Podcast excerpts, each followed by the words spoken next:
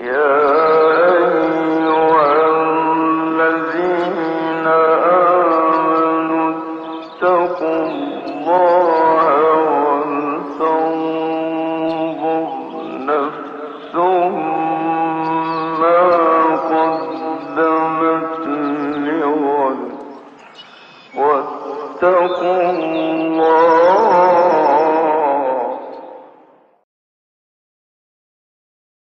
Bismillahirrahmanirrahim. Elhamdülillah. Ve salatu ve selamu ala Resulillah. Müslümanın Kur'an'la ilişkisini, Kur'an'a göre yaşamanın önemini, bütün asırlarda Kur'an'ın en önde ve hiçbir şekilde büyüklüğü tartışılamaz rehberimiz olduğunu vurgulayan hadisi şerifler dinliyoruz. İmam Birgivi'nin rahmetullahi aleyh At-Tarikatül Muhammediye isimli kitabındayız. Birinci bölümdeyiz. Bölüm Kur'an'a sarılmak. Resulullah sallallahu aleyhi ve sellemin sünnetine sarılmak başlığı altında toplanmış. Önce ayetler okuduk. Bu ayetlerde Allahu Teala özetle Kur'an'ımızı bize tanıttı. Sonra hadisi şerifler okumaya başladık. Bu hadisi şeriflerde de Resulullah sallallahu aleyhi ve sellem Efendimiz Kur'an'ı nasıl görmemiz gerektiğini bize anlattı. Elbette Kur'an tartışmasız kitabımızdır. Elbette şefaatini umuyoruz. Elbette ölenlerimize, ahirete intikal edenlerimize rahmet olacak. Öyle umarız. Ama Kur'an'ımız daha çok dirilerin kitabıdır. Cennette Kur'an'ı yaşamak, medrese kurmak, Kur'an kursu kurmak yok. Medreseler, Kur'an kursları, talim, tecvid, ezber, dünya işleri bunlar hep. Kur'an'ımızın dünyada neyimiz olduğuna bakmamız lazım. Kur'an'ı dünyada nereye koyduğumuza bakmamız lazım. Ben bir kişiyim. Müslümanların toplumunda tek bir insanım. Benim Kur'an'la ilişkim, benim Müslümanlığımın ölçüsü. Benim gibi 80 milyondan, 100 milyondan, 1 milyardan oluşan bir de Müslüman toplum var. Nasıl insanlardan oluştuğu için devletler, insan devleti diyoruz.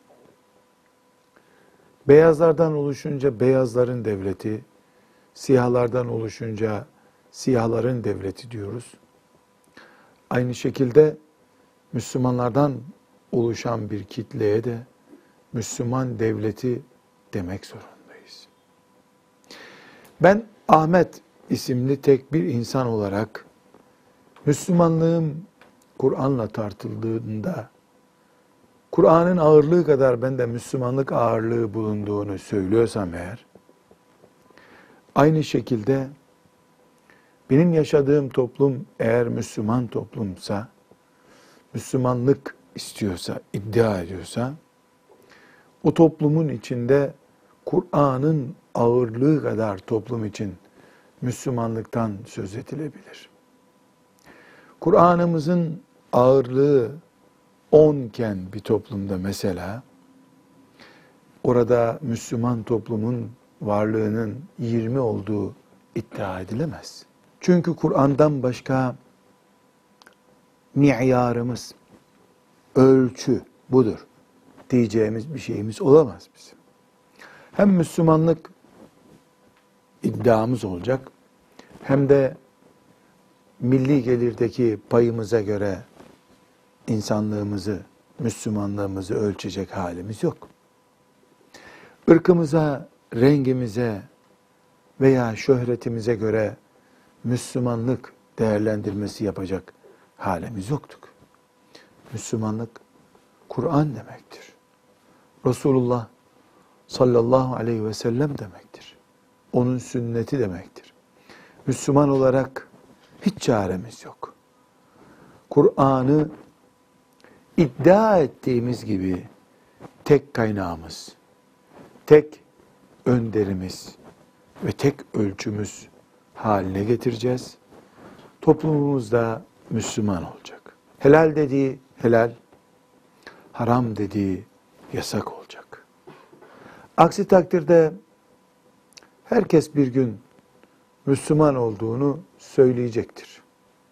Ama bunu Firavun da günün birinde söylemişti. Hiçbir işe yaramadı. Zamanı geçmişti çünkü. Zamanı geçmeden Allah'ın azabına müstehak olmadan İslam iddia edenlerin Kur'an'ı rehber edindikleri gün gelmelidir. Hadis-i şerifler okuyacağız bugün. Bu dersimizde iki hadisi şerif okuyacağız. Bu hadisi şerif her ikisi de Kur'an-ı Kerim kadar Müslüman olduğumuzu, Kur'an-ı Kerim'le mesafemizin aslında cennete mesafemiz olduğunu açık seçik söylemiş olacak. Biz cennete 160 derecelik bir mesafede duruyoruz desek de Kur'an 165 derece ötemizdeyse bu 5 dereceyi yalan söylüyoruz. Zanla, tahminle, beklentiyle söylüyoruz demektir. Onun için Müslümanlar olarak hac kampanyaları yaptığımız gibi Kur'an kampanyaları yapıp ailelerimizde bulunduğumuz sosyal ortamlarda ve yaygınlaşarak büyüyerek bütün toplumumuzda hepimizin bir Kur'anlaşma ve Kur'anlaştırma kampanyası yapmamız gerekir. Bunu medya üzerinden filan değil, yürekler üzerinden yapmalıyız. Medya üzerinden birbirimize haydi şu sureyi okuyalım dememizin çok bir anlamı olmuyor. İnsan kendisine bu kampanyayı yapmalı. Neyim Kur'an'a karşı? Kur'an ne kadar mesafemde duruyor? Ben ne yapmalıyım? Sorularını Müslüman kendisine sormalı. Sonra da vicdanının ona verdiği cevaplara göre hareket etmelidir. Şimdi Kur'an-ı Kerim'i bize tanıtan hadisi şeriflerden birincisini Rabbimizden Kur'anlaşma, Kur'anlaştırma hamlemizde bize yardımını lütfetmesini niyaz ederek dinleyelim. Evet Hafız Efendi buyurun. An İbn Abbas radıyallahu anhuma İbn Abbas radıyallahu anhuma'dan rivayet edildiğine göre enne Resulullah sallallahu aleyhi ve sellem hataben nase fi haccetil veda'i Efendimiz sallallahu aleyhi ve sellem veda haccında insanlara bir konuşma yaptı. İnne şeytane kad yeise en yu'bede bi ardikum. Muhakkak ki şeytan sizin bölgenizde ibadet edilmekten artık ümidini kesti. Velakin radiye en yuta'a fîmâ sivâ zâlike fîmâ tahtakirûne min a'mâlikum. Fakat bunun dışında sizin amellerinizden küçük amellerinizden küçük görmüş olduğunuz şeylerde ise hala ümidini kesmemiş, ona e, ona ümidini bağlamıştır. Fahderu amellerinizi küçük görmekten sakının. İnni kad teraktu fikum ma inim inim tesamtum in bihi felen tadillu ebeden. Muhakkak ki sizin aranıza sizin aranıza bıraktım ki ona sarıldığınız sürece kesinlikle sapıtmayacaksınız. Kitabullahi ve sünnetu nebiyyihi. O da Allah'ın kitabı ve peygamberinin sünnetidir. Teraktu kitaballahi. Teraktu kitaballahi ve sünnete nebiyyi. yani orada e, müpteda takdir ediyoruz hocam. Yani Huve e, öyle de olabiliyor. Huve kitabullahi. evet, e, mukadder bir müpteda takdir ediyoruz. Onu Evet. haberi olarak okuyabiliyoruz. Bismillah. Allah'ın adıyla başlayalım. Rahmetini umarak başlayalım. Bismillah. Neye başlayalım? Veda haccında aleyhissalatu vesselam Efendimizin vasiyet ettiği şeye bakalım. Ne vasiyet etmiş sallallahu aleyhi ve sellem Efendimiz? Önce veda haccının müminler açısından ne demek olduğunu tefekkür ederiz. Veda haccı demek Resulullah sallallahu aleyhi ve sellemin son sözleri demek. Evet, veda haccından sonra bir zaman yaşadı aleyhisselam Efendimiz. Ama o gün bütün dünya Müslümanlarına, o gün var olan bütün Müslümanlara toplu sözler söylediği bir konuşmasıdır veda hutbesi. Esasen bu veda hutbesi bir yerde yaptığı bir konuşmadan ibaret değildir. Arafat'ta konuştu, Müzdelife'de konuştu, Mina'da konuştu, birkaç kere konuştu. Farklı yerlerde konuştu.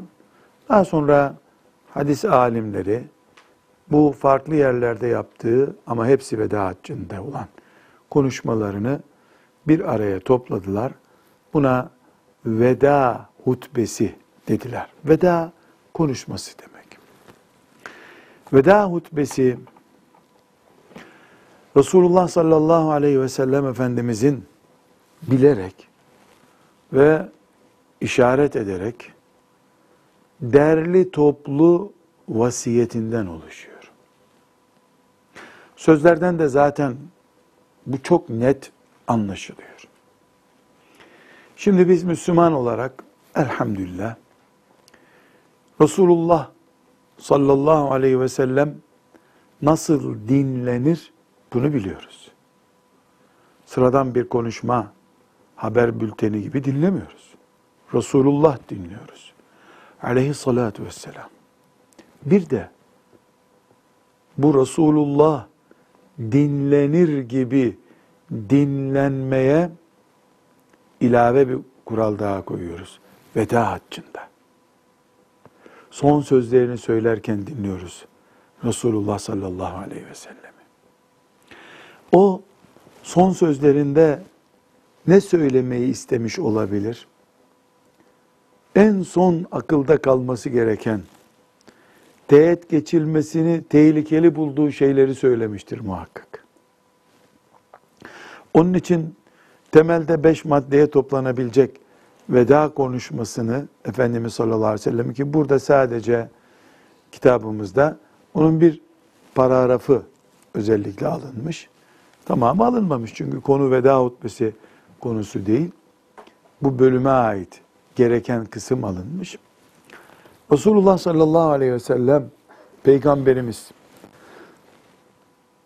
umudumuz, önderimiz, şefaat kaynağımız. Hepsini ard arda yazalım zihnimizde ve şimdi nasihatini dinleyelim. Ne buyuruyor sallallahu aleyhi ve sellem? Şeytan sizin topraklarınızda ona ibadet edilecek diye bir umudu kalmamıştır artık. Yani insanlar Allah'ı bırakar, Kabe'yi bırakar, ben şeytana ibadet ediyorum. Benim Rabbim iblistir demezler artık. Çünkü iblisin ipliği piyasaya çıktı. İblis çöktü. Şeytan bunu biliyor. artık iblis mabedi diye bir mabet oluşturamaz. Demek ki önce mümkündü bu. İnsanlar iblise tapınıyor olabilirlerdi. Ama İslam geldi, iblisin ipini piyasaya çıkardı. İblisin şer olduğu anlaşıldı. Kimse iblis ilahımdır demez artık. Bunu bir kenara yazıyoruz. Böyle umuyorum filan demiyor Efendimiz. Ne buyuruyor? Artık şeytan bunu anladı diyor. Bu iş bitti. Bunu anladıysak biz de şeytan artık mabet kurup şeytana tapınanlar diye bir kullar üretemez kendisine. Bu bir. İki. Bu söz kime söyleniyor? Birinci söz veya devamı. O gün Resulullah sallallahu aleyhi ve sellemi dinlemek şerefine nail olmuş, kainatın en değerli peygamberinin en değerli müminleri, ashab-ı kiram. Radıyallahu anhum. Onlara diyor Efendimiz, artık sizin bu topraklarınızda bir şeytan mabeti kurulma ihtimali yoktur. Bitti. İki. وَلَكِنْ رَضِيَ أَنْ يُطَاعَ ف۪ي مَا سِوَى ذَٰلِكَ ف۪ي مَا تَحْتَقِرُونَ مِنْ اَعْمَالِكُمْ ama şeytan hala sizin basit gördüğünüz şeylere umut bağlamaktadır. Bu da ikinci cümle. Şeytan hala sizin basit gördüğünüz şeylere umut bağlamaktadır. Müslüman evine çıplak kadın heykeli koyup bu lattır, uzzadır, menadır demeyecek. Bunu Efendimiz garanti ediyor. Ama basit zannettiği aslında şeytanın basitleri üst üste koyup kocaman üretmiş olacağı şeyler hala duruyor. Hala duruyor. Herhangi bir şekilde direkt bu kadına tapınıyorum denmeyecek İslam toprağında. Lat, Uzza, Menat'a tapınıyorum denmeyecek. Şeytanın böyle bir beklentisi de kalmadı. Faizi çağın gereği gibi görmek. Diploma, iş, menfaat uğruna Allah'ın ayetlerinden taviz vermek. Basit gördüğümüz ama şeytanın umut bağladığı şeyler. Şu kadar binlik bir ticarette 3 gramlık eksiklikten ne olur dediğimiz, ben çalmıyorum. 3 gram eksik olmuş. Dediğimiz şeyin şeytanın yeniden sistemini oturtmak için umut bağladığı şeylermiş meğer ki. Hadisi tekrar başlıyoruz. Birinci maddesi neydi? Şeytan artık ilahımız, Rabbimiz şeytandır. Sözünün söylenmeyeceğini biliyor. Bundan umudunu kesmiştir şeytan.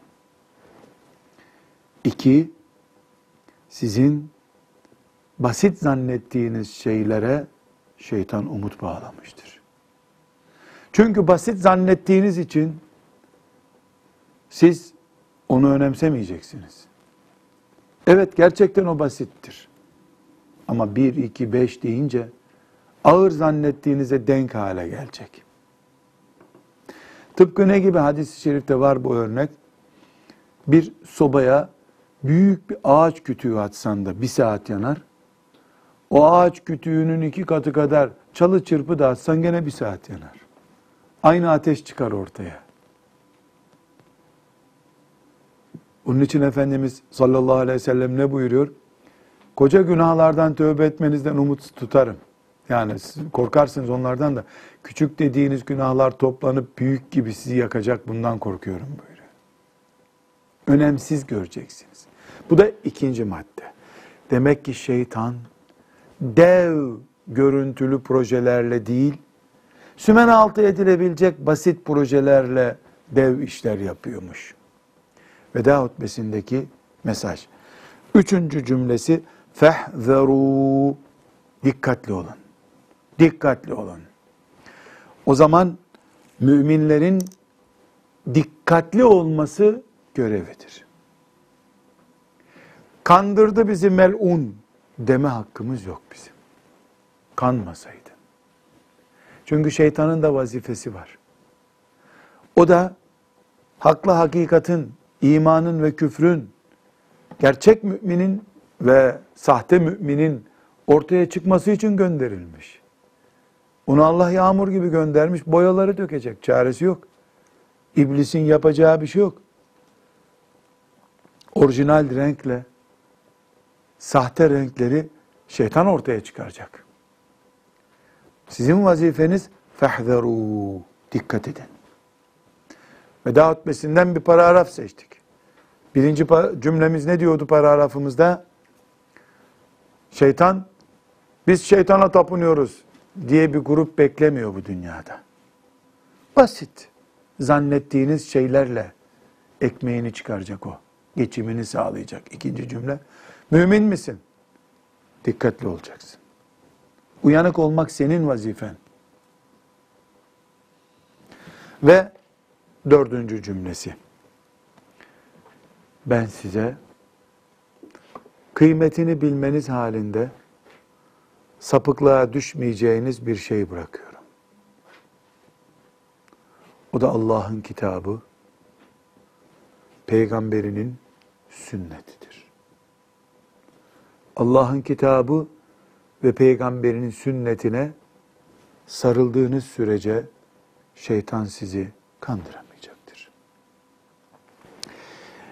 Bir gibimizin kitabında hangi bölümü okuyoruz? Kur'an'a yapışma, Kur'anlı Müslüman olma bölümünü okuyoruz. Bir gibi de bu hadisi şerifte bize ne mesaj vermeye çalıştı? Resulullah sallallahu aleyhi ve sellem veda hutbesinde ümmetine Kur'an'ı size bıraktım çare olarak. Kur'anlı ve peygamberinin sünnetiyle yaşayan mümin olduğunuz sürece şeytanın hayalleri gerçekleşmeyecek. Demek ki yukarıdan aşağıya ele alalım bu veda hutbesindeki paragrafı. Şeytan aleni bir sapıklıktan umudu yok artık. Böyle bir şey beklemiyor. Bizim küçük gördüğümüz şeylere umut bağlamış. Dikkat etmek bizim vazifemiz.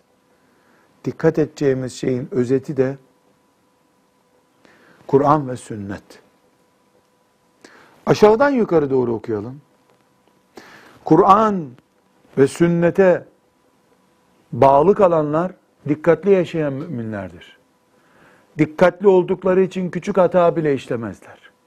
Küçük hata dahi işlemedikleri için büyük tehlikeleri Allah'a bırakıp şeytana tapınma tehlikesine de düşmezler demek ki. Aşağıdan yukarı okunduğunda böyle çıkıyor. Aşağıdan yukarı negatif okuyalım bunu. Eğer siz peygamberin son emaneti olan aleyhissalatü vesselam Allah'ın kitabını peygamberinin sünnetini bir kenara bırakarsanız e, dikkat etmeden yol alıyor olursunuz. Dikkat etmezseniz küçük zannettiğiniz şeylerde hata yaparsınız. O küçükleri şeytan dosyalar, şirke, Allah'a isyana denk dosyalar üretir bu sefer. Bir hadisi şerifi şöyle bir mantık üzerinden okuduğumuzda bakıyoruz ki hadisi şerif hayatımızın tamamını kuşatacak bir pencere açıyor bize. Formül. Hayat formülü. Çok güzel. Allah razı olsun. Tam tam anlamıyla bir hayat formülü üretiyor. Nedir o formül? Yani bizim Bakara suresinin 36. ayetiymiş demekle Rabbimin kitabında Bakara suresinin 36. ayeti demek arasındaki fark bile ciddi bir şeymiş meğer ki. Şimdi mesele biraz daha indirgendi. 17-23. 17-23. Ha, şey harita üzerinden konum gösteriyor. Bu belki haramdır, günahtır denecek bir durum değil ama bakış tarzını gösteriyor. Niye 17 diyorsun? Hac suresi de. Niye 17 diyorsun? Şuara suresi de. Adını an ya. Bu sebeple biz bugün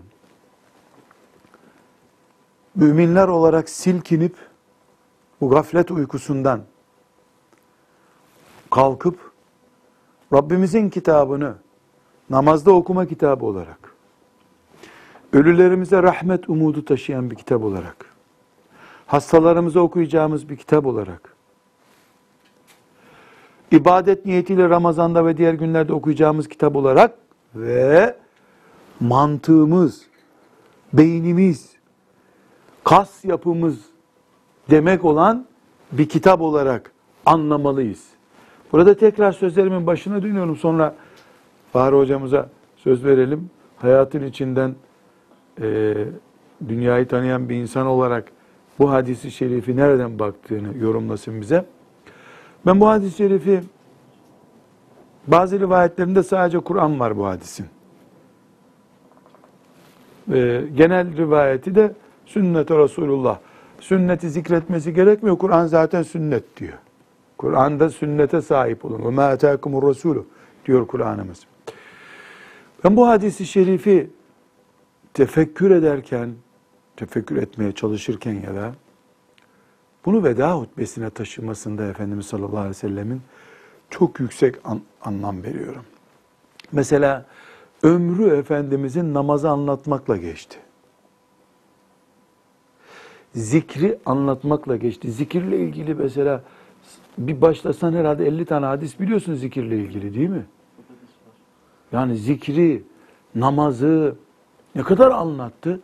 Veda hutbesinde onlar var mı? Ne var? Birbirimizi vurmak, Kur'an'a yapışmak, faiz, kadınlar Allah'ın emaneti, cahiliye adetleri. Yani faiz mesela, zekat, zekatı ansın orada değil mi bize göre? İslam'ın beş şartından biri yok orada mesela. Sabah namazını mesela. Yani sabah namazı hakkındaki hadisleri bir hatırlayalım. Ya Rabbi sabah namazı kılmayanı neredeyse evini yakacağım demiyor mu cemaate gelmeyenlerin? Zikirle alakalı ölü ve diri misalini yapıyor. Yapıyor. Kimse Ama veda konuşmasına bakıyorsun. O önemsediği Medine'de mesela 10 sene şeriat olarak anlattığı şeyleri veda hutbesinde zikretmiyor. Hatta bu kadar derin bu konuşmalarda bir hadisi şerif yine veda haccı ile. Mesela hac yapıyor ve ümmeti Muhammed'in gördüğü tek hac o değil mi? Efendimiz'i görüyorlar tek hac olarak. Çok enteresan değil mi? İf'al ve la harac. İf'al ve la harac. Sık sık sahabi, ya Resulallah ihramım şuradan düştü. İşte şuradan sakalımdan tüy koptu. Önce şunu yaptım. Önce taşlama. Haçla ilgili sorular soruyor. Çok enteresan. Yap zararı yok. Yap zararı yok. İf'al ve la harac. Bunu bir laubalilik olarak maazallah ağzımızdan çıkaramayız. O manada demiyor zaten. Yani haç yapıyor. E, Devesine binerken işte ihramından bacağı açılmış. Bozuldu mu haccım ya Resulullah diye soruyor işte. Yahut da taş atarken önce şuraya attım diyor. Yani haccım gitti mi? İf'al ve la harac. Yap yap zarar yok. Yap yap zarar yok. Bakıyorsun müsamahalı görünüyor. O if'al ve la harac. Mesela Arafat'ta devesinin üstünde konuşuyor değil mi? Hiç if'al ve la harac değil. Boynunuzu vuracaksınız dikkat edin diyor. Korkuyorum birbirinizin boynuna kılıç kaldıracaksınız diyor. Basit gördüğünüz şeylerden korkuyorum. E, if'al ve la harac diyordu. Demek ki veda haccıdaki o muhteşem konuşma herhangi bir şekilde böyle bir e, farz, vacip düzeyinde değil de ümmetinin müstakbeli açısından ele aldığı şeylerden ki bugün faizin geldiği hale bakalım. La ilahe illallah demek ki ne kadar hassas seçilmiş bir konu o. Cahiliye adetleri nasıl geri geldi birdenbire ya? Irkçılığından vesairesine kadar demek ki Allahu Ekber. Mesela amcasını ne kadar sevdiği, e, bilhassa amcası Abbas'a mesela ne güzel saygı gösteriyor değil mi? Amcacığım diye hitap ediyor. Ama cahiliyede e, kaldırdığım ilk faiz kendi akrabalarından birisinin e, cahiliye adeti olan faizini kaldırdığını ve ayaklarının altına aldığını söylüyor. Yani o kadar seviyor amcasını, akrabalarını seviyor. Sıla-i Rahim'i teşvik ediyor. E, kaldırdığı cahiliye e, adetlerini uygulamasını örneklendirirken ayağının altına kendi öz akrabalarının adetinin ismini koyuyor. Bu demek ki veda hutbesinde Fahri Hocam bir 20 tane böyle profesör çapta veya asistan 20 kişi koyup öyle manasını tercüme ederek değil. Bu veda hutbesindeki sırları bir 10 sene araştırmak lazım. Alimler çok şey bulup te- tefsir ettiler bunu ama e, biz Tirmizi'nin görmediği zamanlarda yaşadık. İbni Hacer'in zavallının hayal edemeyeceği kadar rezillikler görüyor ümmetimiz. Yani onlar hiç akıllarına geleceği şeyler değildi bunlar. Ama biz bu zamanda madem bunları gördük, zannederim ki yani hafız efendiler mesela siz şimdiden plan yapın. Ya Rabbi bana ömür ver. Arapçayı iyi öğreneyim. 30 yaşında başlasam 60 yaşına kadar 30 sene veda hutbesinden mesajlar. Veda hutbesinin sırlarına e, dalmak için adayayım kendimi ya Rabbi. Bir kelimesine beş sene. Hoca efendi az mıdır çok mudur? Az bile hocam. Beş. Ömür versek ne olur? Şu cümlelere bak şimdi. Burada bir 10 dakikalık bir programda bunu biz böyle derin düşünüyoruz. Bak ne incelikler çıkıyor. Üstelik de bunu düşünmek için gelmedik buraya. Et-Tarikatül Muhammediye'yi okuyoruz işte biz. Bir de bir gencin yani mesela nasıl Hanne annemiz Allah ondan razı olsun Meryem'i doğurduğunda ya Rabbi bu çocuğu erkek istiyordum ama kız verdin olsun. Bunu da adadım dedi. Yani belki babalarımız, analarımız bizi adamadılar. Nedir veda hutbesi? Camide bir kere görmüştüm, o muydu herhalde filan. Diyecekleri kadar basit bir şey ama biz rivayetiyle, dirayetiyle, incelikleriyle, edebiyatıyla, Efendimiz bunu niye devenin üstünde konuşmuş, niye Mina'da demiş, niye Müzdelife'de demiş, hangi rivayeti sahih, hangi rivayeti zayıf, alimler bunu nasıl şerh etmişler. Mesela İbni Kesir'in Veda Haccı ile ilgili kitabı var. Burada bu kadar üzerine düşmüyor. Daha çok fıkıh boyutu üzerine. Cabir hadisi radıyallahu anh üzerinden duruyor. Yani çok fazla çalışma da yok bunun üzerinde biliyor musun? Çünkü ne hikmetse yani e, bu pek önemsenmemiş. Ya da öyle demeyelim ümmetimiz bunu anlatık zannetmiş. Yani hafız efendiler, Fahri hocam ne diyorsun? Adak yapıp ya Rabbi ben de ömrümün geri kalan kısmını veda hutbesi kütüphanesi kurmak üzere. Birinci dereceden ilgili hadisler, ikinci dereceden ilgili hadisler, veda hutbesinde geçen kelimelerin Arap lisanındaki karşılıkları, veda hutbesinin bugüne kadar gelen şekilleri. Aman ya Rabbim bundan e, bu kütüphaneden daha büyük bir kütüphane çıkar herhalde. Ümmetimize ne büyük hizmet olur değil mi? Yani bunu yapan Hafız Efendi sen söyle bana ikinci nevevi olmaz mı Allah'ın izniyle? İnşallah olur hocam. E, Zaten bu noktadaki eksikliklerimizden bir tanesi de e, bu tür hadisleri kendimize adamamamız. E, Tabii önceki insanlar sahabe-i kiram bir hadis için büyük Şam'a meşakkatler gittiler. büyük meşakkatler çektiler. E, Ama işte bize düşen vazife de o insanlar e, bu hadisi bizlere nakletmişler ve günümüzde nasıl anlaşılacağına dair büyük çalışmalar ortaya koymak. İnşallah. Fahri Hocam bu veda hutbesi hadisi hakkında e, bir şey söylemek ister misin? Yoksa Hafız Salih'e mi söz verelim? Hocam ben e, bir iki şey söylemek istiyorum.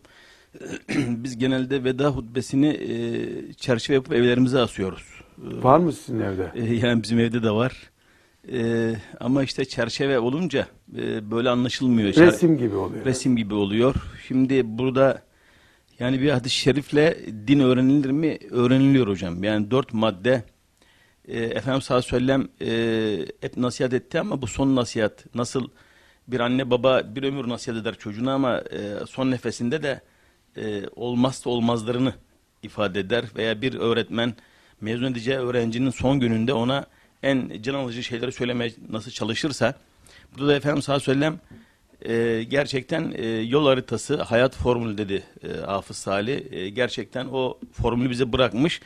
Ama nedendir ki e, bu konu camilerde e, veya ilahiyat fakültelerinde neredeyse imam hatiplerde niçin e, burada olduğu gibi can alıcı noktalarıyla anlatılmaz? Bir nevi e, dinin e, yani ne kadar doğru bilemiyorum bir iskeletini e, ana ana hatlarını burada Efendimiz bize söylüyor. Şu anda e, siz de söylediniz faize herkes karşı bir bütün olarak faize karşı durduğumuzu söylüyoruz. Ama o bütünün bir parçasının içerisinde yer alıyoruz hocam. Yani faize bütün olarak karşı oluyoruz. Ama e, onun bir parçasının içerisinde bir şekilde krediyle, kredi kartıyla ve farklı bir şeyle içinde oluyoruz. Buradaki e, küçük şeylerin ne kadar e, değerli olduğunu, yani şeytanın bizi basit şeyler üzerinden e, aldatabileceğini düşünebilseydik, herhalde e, Kur'an ve sünnete sahip çıkar, dikkatli olur, ufak şeylere dikkat eder ve büyük e, olumsuzluklara karşılaşmazdık. E, Rabbim e, inşallah bu hadis-i şeriflerle tekrar e, aslımıza dönmeyi Rabbim nasip etsin. Nasıl Amin. e, kitabın e, yazarı, müellifi e, sünneti tekrar diriltmek, İslam hayatı tekrar diriltmek için bunu yazmışsa biz de bu hadis-i şerifleri bu şekilde anlamayı Rabbimize nasip etsin. Amin. Ama gelirken ben buraya bir arkadaşla sohbet ettik. E, bir sohbet dinlemiş. E, Hoca efendi rakamlar vermiş. Kafası karışmış arkadaşın. Şimdi bu da rakam falan yok hocam. Yani yol var, yöntem var, usul var. Formül var. Formül var.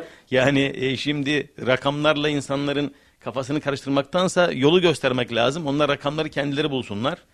E, bir de hoca efendilerin e, bu dinimizi anlatırken de bu önemli ve öncelikli ayrımı iyi yapması lazım. Niçin camilerde e, bunlar gündeme gelmiyor? Demek ki e, henüz gereği gibi farkına varamadık hocam biz bu mesajlara. Geliyorsa da mesela işten gelmiş yatsı namazını kılacak bir adama bunu anlatmanın da bir formülize edilmesi lazım ama yani gerekiyorsa imam efendi her gün bir cümlesini açıklasın bunun. Yani hakikaten 8 saat 10 saat bir atölyede çalışmış veya dükkanda durmuş bir adam akşam ders dinleyemez. Ashab-ı kiram bile e, hadis-i şerif hatırlıyor musunuz? Efendimiz sallallahu aleyhi ve sellem e, konuşurken işte yatsıyı bekliyorlar. E, uyuyakalırmışlar kütüklerin altında. Da abdestin bozulması ile ilgili hadisleri okurken ne yaptık orada? Yani hop uyuyun. Akşama kadar güneşin altında elinde kazma çalışıyor zavallı adam. E, geliyor yatsıyı eve gitmiyorlarmış uyur kalırım evde diye. Yatsıyı bekliyor ama çöküp kalıyor hurma kütüğünün altında. Yani e, dikkat etmek lazım. Hocam bizde genelde e, bir metni bitirmek hedeflenir. Hayır işte ha, Şimdi Allah razı olsun. Mesela milli eğitimde de asıl müfredattır, öğrenci sonra gelir. Aslında olması gereken öğrencidir. Öğrencinin anlamadığı yerde o müfredatı kesmek lazım. Konuyu bırakmak lazım. Ama biz bunu bitireceğiz. Hani e, Doğu ve Güneydoğu'da hocam bir e, emir gelmiş komutana yıllar önce. İşte Cuma günü Cuma'ya gidin de halkla barışık olun, halkın içinde olun diye bir emir gelmiş. Hemen üst düzey komutan bütün komutanları toplamış. Demiş azlarının Cuma'ya gidiyoruz demiş. Ee, bir as subay demiş efendim e, bugün günlerden salı demiş. Ben anlamam emir geldi bugün cumaya gideceğiz demiş.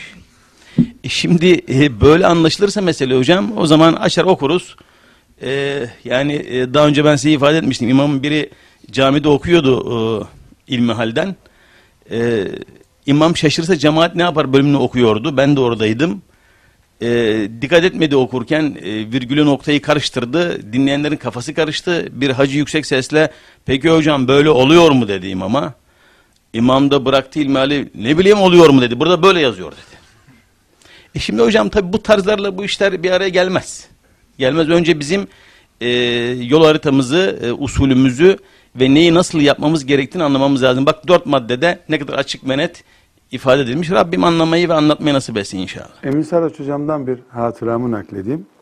90'lı yıllardan bir tanesinde Şifa-i Şerif dersleri başlatmıştım. Kadıyattan. Şimdi hem hafızlık derslerini dinliyorum. Hafızların bayağı da yoğunum. Akşam e, sağa sola derslere gidiyorum. Baktım hiç vakit yok. Böyle bir içimde de bir adak vardı. Şifa-i Şerif'i okuyacağım demiştim. Okurken de ders yapayım geçti içimden. E, dedim arkadaşlar ben Şifa-i Şerif okuyacağım. Gelen var mı dedim. Bir 30 kişi kadar biz gelelim hocam dediler. Aradık taradık. Hiç ortak vakit yok. Gece beşte baktık vakit var. Sabah namazından önce okuyalım dedik. Şimdi sabah namazı altı buçukta kılınacak. Kış günleri. Beşte biz ders yapacağız bir saat. Sonra namaz kılıp evine gidecekler. Başladım. Bir heyecan, bir heyecan fırtınası. O ara Emin hocam da, Emin Saraç hocam, Allah ömrüne afiyetleri ihsan etsin. E, Nuhattin ne yapıyorsun, ne var ne yok dedi. Ona da Buhari dersine gidiyorum. O dersten çıkıyorum, Buhari'ye gidiyorum. E, dedim hocam, şimdi Şifa-i Şerif okuyoruz insanlarla. Ne zaman okuyorsun dedi. Gece dedim. Kaçta dedi. E beşte buraya gelmeden dedim. Hiç tereddüt etmeden dedi ki bak Nurattin dedi. İnsanlar uykusundan uzun zaman ferahat edemezler. Bu yaptığın yanlış dedi. Sonra tek kalırsın dedi. Başladığını bitirmek de moralini kırar senin dedi. Yok hocam çok heyecanlılar dedim. Yedi gün mü ne sürdü o? İnsanlar gelemediler. Yani hoca olmak, heyecanlı olmak plansız olma hakkı vermiyor insana. Muhakkak bir planımız olması lazım. E, din büyük. İnne hazet dine metinun. Yani feevgilu fihi bir rifk. Bu din büyüktür. Planlı programlı gidin. Resulullah sallallahu aleyhi ve sellem buyuruyor bunu değil mi? Planlı gidin. Bu hadis hakkında Salih Hoca sen bir şey söylemek istiyor musun? Hocam şu aklıma geldi benim. Ee, Peygamber sallallahu aleyhi ve sellem ümmetin geleceğiyle ve ömrüyle alakalı beş madde sayıyor veda haccında. Belki o daha doğrusu hutbede diyelim. Hutbenin bir bölümünde e, biz şu an. Biz Evet. burasını okuduk ama diğer beş maddeye de dikkat çektik. E bunlar ümmetimizin geleceğiyle alakalı meselelerse, ömrüyle alakalı meselelerse biz de gerekirse ömrümüzü sadece hadis-i şerefe de adayabiliriz. Bu açıdan hiçbir israf yok ortada. Belki böyle bir vakıf bile önceki derslerde de konuşuyorduk. Veda Olabilir. Haccı İnceleme Vakfı. Yani bunu- Allah razı olsun kim yaparsa bunu. yani insanlara, ümmetimize bunu anlatmak, son Peygamber Aleyhisselam'ın tavsiyeleri bunlardı. Aman bunlara dikkat edelim diye bir farkındalık uyandırmak büyük bir iş olur. İkincisi, e, yani komik olacak belki ama müthiş bir formül var burada. Kur'an'a sıkı sarılmak bir ciddiyet oluşturur. Böylelikle dikkat ederiz. Basit işlerden şeytan bizi e, oyalayamaz. Böylelikle şirkete düşmeyiz. Öbür taraftan da başka bir formül var. İyi bir okul olursa iyi bir üniversite kazanılır. İyi üniversite kazanılırsa iyi bir iş sahibi olunur. İyi iş olursa rahat evlilik yapılır. Bir bu formül var hocam bir de bu formül var. Ama Hafız Salih şimdi siz böyle söylüyorsunuz gençler ben böyle söylüyorum. Fahri Hocam hep söylüyor. Sanki bizim diplomaya karşı bir savaşımız varmış gibi ortaya çıkıyor. Sanki biz yüksek okul okunmasın, tıp okunmasın, hendese okunmasın diyormuş gibi. Maazallah niye bunu söyleyelim? Hayatın bir gereği bu. Biz şunu da söylüyoruz değil mi? Sadece hacca gidip İslam'ın gerisini bırakan adam hacca gidiyor bankadaki faizde devam ediyor. Kumar devam ediyor. Ne diyoruz bu adama? Sen niye haçla oyalanıyorsun ki kardeş? Yetmez haç bu işe diyoruz. E şimdi sadece üniversiteyi hayat, sadece diplomayı yaşamanın gayesi haline getirmenin afet olduğunu konuşuyoruz değil mi? Şüphesiz ya o formüller var ama o formüllerden daha büyük formüller de var. Olması Bunlara lazım. da dikkat edelim. Tabii. Diye bir e, aklıma örnek geldi. Evet. Evet. Bir hadis-i şerif daha var. Bu derste onu da okuyalım. Toplam altı hadis-i şerif okumuştuk zaten. Ee, bir hadisimiz daha var Tirmizi'den. Hocam onu da okuyalım. An Ali radıyallahu anh ennehu kal Ali radıyallahu anh'tan rivayet edildiğine göre şöyle buyurdu. Kale Resulullah sallallahu aleyhi ve sellem Efendimiz sallallahu aleyhi ve sellem şöyle buyurdu. Men kara el Kur'ane ve stezherahu her kim Kur'an-ı Kerim'i okur ve onu ezberlerse fe ehalle halalehu bu Kur'an'ın helalini helal sayarsa ve harrame haramahu haramını da haram olarak kabullenirse edhalehullahu teala bihil cennete Allah bu sebeple o kimseyi cennete koyar ve şeffa'ahu fi aşratin min ehli beytihi ve aile halkından 10 kişiye de şefaatçi kılar. Külluhum kad vecebet lehun naru. Tabi o aile halkından 10 kişi de cehennem kendisine vacip olan kimselerden. cehennemlik olacak 10 kişiyi şefaatiyle Kur'an kurtarır. Evet, Resulullah sallallahu aleyhi ve sellem ne buyuruyor? Kim Kur'an'ı okur ve ezberlerse, bu kadar yetmiyor. Bir, Kur'an'ı okur ve ezberlerse. İki, helaline helal derse, haramına haram derse, Allah onu cennete koyar ve cehenneme girecek 10 ailesinden 10 kişiye de şefaat ettirir. Elhamdülillah. Bu hadisi şerif Tirmizi'de rivayet ediliyor. Ee, bir Bukhari hadisi kadar, Müslim hadisi kadar sahihliğinde derece yok. Tirmizi kendisi rivayet ediyor. Sonra da gariptir bu hadis-i şerif diyor. Ama uydurma bir takvim yaprağı sözü de değil. Resulullah sallallahu aleyhi ve sellemin böyle söylediği yüzde yüz değil de yüzde seksenlerde diyelim. O manaya geliyor bu. Bu sebeple Resulullah sallallahu aleyhi ve sellem Efendimizin Kur'an'ı okuyan, ezberleyen, halaline halal, haramına haram diyenlere vaat ettiği şeyin ya fiilen adamı oluruz. Hafız, helale helal, harama haram diyor. Veya hadisin B maddesi var. Muhteşem bölümü o hadisi şerifin. Nedir B maddesi? Ailesine şefaat hakkı verilmesi. Zaten kendisi cennete giriyor. Kur'an'ın hafızı olduğu için Allah'ın lütfuyla cennete giriyor. Ailesinden 10 kişinin cennete girmesine de vesile oluyor şefaatiyle. Kitabımızın ileriki bölümlerinde şefaat bölümü gelecek inşallah. Orada şefaat meselesini konuşacağız. Konusu uygun ortama geldiğinde. Ama biz net bir şekilde e, Resulullah sallallahu aleyhi ve sellemin hadislerine bakarak, Kur'an-ı Kerim'imizin delaletlerine bakarak inanıyoruz ki kıyamet günü Allah'ın bazı kulları Allah'ın o kulları teşrif etmek için yani seni seviyorum herkes görsün manasında teşrif etmek için bu kulunu o kuluna şefaat ettirecek Allah. Aslında bunu zaten affetmeyecek olsa bunun sözünü dinlemeyecekti Allah. Hiç bizi ilgilendirmiyor. Burada şefaatteki asas mesele, inandığımız konu nedir? Efendimiz sallallahu aleyhi ve sellem bir peygamber olarak şefaat edecek. Musa aleyhisselam da belki edecek. Niye Musa aleyhisselamdan daha fazla şefaat edecek? Çünkü şefaat yetkisi taşımak, sen şefaat edebilirsin demek, şefaat edileceklerden dolayı değildir. O şefaat edenin şerefi yükselsin diyedir. Şöyle argo, hiç yakışmayacak bir kelimeyle söyleyeyim. Torpili yüksek olmak demek bu. Çok itibara alınır bir adam olmak demek kıyamet günü. Buna inanıyoruz. Bunu inkar etmek bir sürü hadisi şerifi yok saymaktır. Kur'an'dan ilham alınmış şeyleri yok saymaktır. Mesela gençler diyorlar ki ya ayet-el kürsüde şefaatin olmadığı belli diyorlar. Nereden belli? Menzellezi yeşfe'u indehu illa bi izni. Allah'ın izni olmadan kim şefaat edebilir diyor ayette.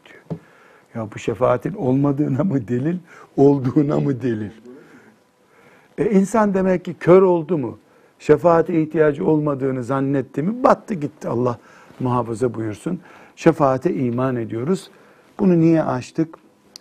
Hafız, yürüyen Kur'an hafız, helaller gözünde okunan hafız, haramlardan uzak yaşayan hafız, anası, babası, abileri, kardeşleri, sıla rahim bağı kimle varsa, dayıları, teyzeleri, hepsi için Allah'ın izniyle şefaat sebebidir. 10 kişiyle sınırlamış bunu Efendimiz sallallahu aleyhi ve sellem. Niye 11 değil, niye 9 değil? Ya niye bilelim? Bir olsa ne diyecektin, hiç olmasa ne diyebilirdin? Ama hikmeti ilahi ben bir beşer olarak böyle bir alime dayandırmıyorum bu sözü. Kendi zannı galibimi söylüyorum. Allah bilir ya, hafızlık yaparken, şimdi ben kendi hafızlığımdan, e, hafızlık günlerime e, dönmek istiyorum. akrabalarımızdan babama gelip bu çocuğa yazık ediyorsun diyenler de vardı.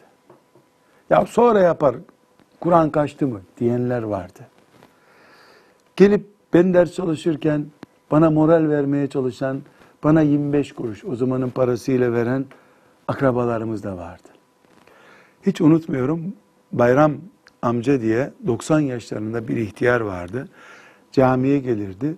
Her geldiği vakit yeleğinin cebinden akide şekeri diye şekerler vardı. O yeleğinin cebinde toz toprak olmuş.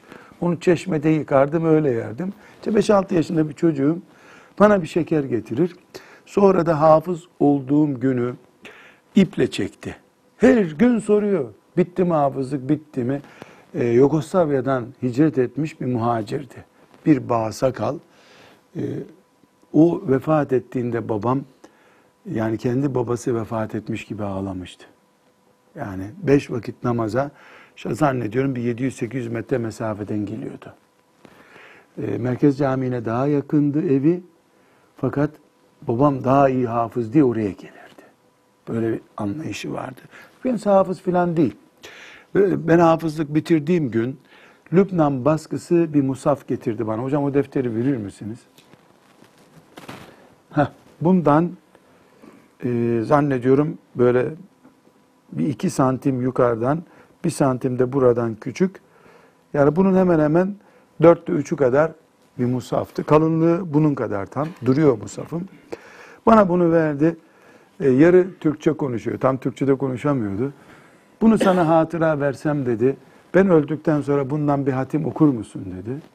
Ben de gene şeker verir diye tamam dedim. Yani 8 yaşında çocuğum senin hatiminle ne ilgileneceğim düşünüyorum. E, o musaf duruyor. E, sadece Mekke'de, Mekke'de kaldığım sürece onu gömlek cebimde taşıdım. E, işte 1970'ten diyelim. 2010'da bitti. Musaf'ın sayfaları kullanılmaz hale geldi artık. Sadece Mekke'de tavaf ederken en az yüz defa hatmetmiştim bu musafla.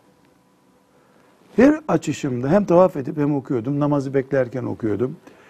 Mesela öğle ile ikin, e, öğle ezanı ile farzı arasında ortalama bir cüz okuyordum ben. Bekleniyor orada bir 20 dakika. Rahat bir cüz okuyordum.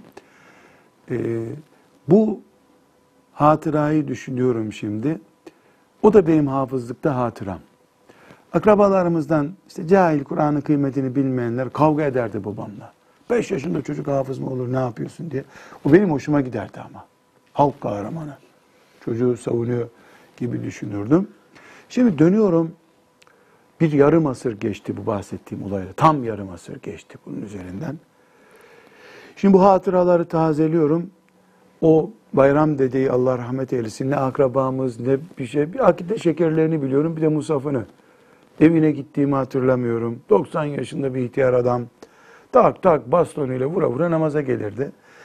Şimdi dünyada e, Mekke'de tavaf ederken onu unutamadım. Hayırla yad ettim. Bana çocukken hoş espriler yapıp işte hafızlığımın kıymetini tankis edeceğim.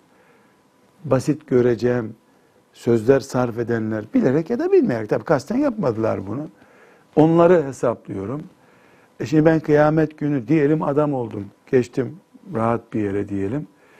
E bu hadisi şerife nail oldum diyelim. Yani aç tavuk kendini dar ambarında görürmüş. Ben de öyle görüyorum işte.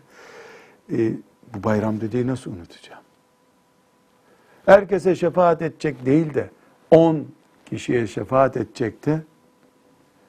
Bu sınırlama Allah bilir ya hafıza hafızlık yaparken hafızın helal haram mücadelesini sürdürdüğü günlerinde hafıza yardım etmenin, moral vermenin önemini anlamamız bakımından çok büyük bir ipucu zannediyorum. Çok büyük bir ipucu. Hocam e, buna benzer e, e, hafızlık yapanların önünde köstek olanlarla günümüzde e, kullanılan bir ifade. Ya peygamberimiz dönemindeyken e, Yapacak başka bir şey bilgisayar yok. yoktu. Yani bilgisayar yoktu, bir şey yoktu. Şu anda Kur'an-ı Kerimlerimiz var. E, aynen işte bilgisayarlarımız var. Niye hafızlık yapıyorsunuz diye sorulduğunda e, nasıl Ha. cevap verirsiniz? Yani bu bir iman meselesi ama hiç hiç uzatmaya gerek yok. Bu imanla ilgili bir şey. Allah muhafaza buyursun. Onun imanı şudur budur diyemeyiz. Yani o caiz değil. Ama mümin böyle demez derim vallahi hiç şakası yok. Ya kıyamete kadar bilgisayar değil, e, uzaya çıksak, diyelim ki çok ucuz daireler var, kiralar ucuzmuş, marketlerde çok ucuzmuş, Merih'te daire veriyorlar. Gitmeyeceğiz mi? Gideriz. Götürmeyeceğiz mi Kur'an'ımızı? Merih'e taşındığımız gün orada medrese açmayacaksın mı Hafız Salih sen? E niye gideceksin ki madem medrese açmayacaksın? Yani benim çocuğum Kur'an'la buluşmayacaktı da ben niye Merih'e gittim ya?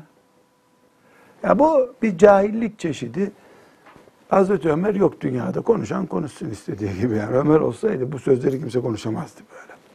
Hasbunallahu ve ni'mel vekil. Allahümme ahyina bil Kur'an ve eksir şerefena bihi ve azzim şe'nena bihi ve cealhu lena şefi'an ve muşeffe'an ya erhamer rahimin. Ve sallallahu ve sellem ala seyyidina Muhammed ve ala alihi ve sahbihi ecma'in velhamdülillahi rabbil alemin. يا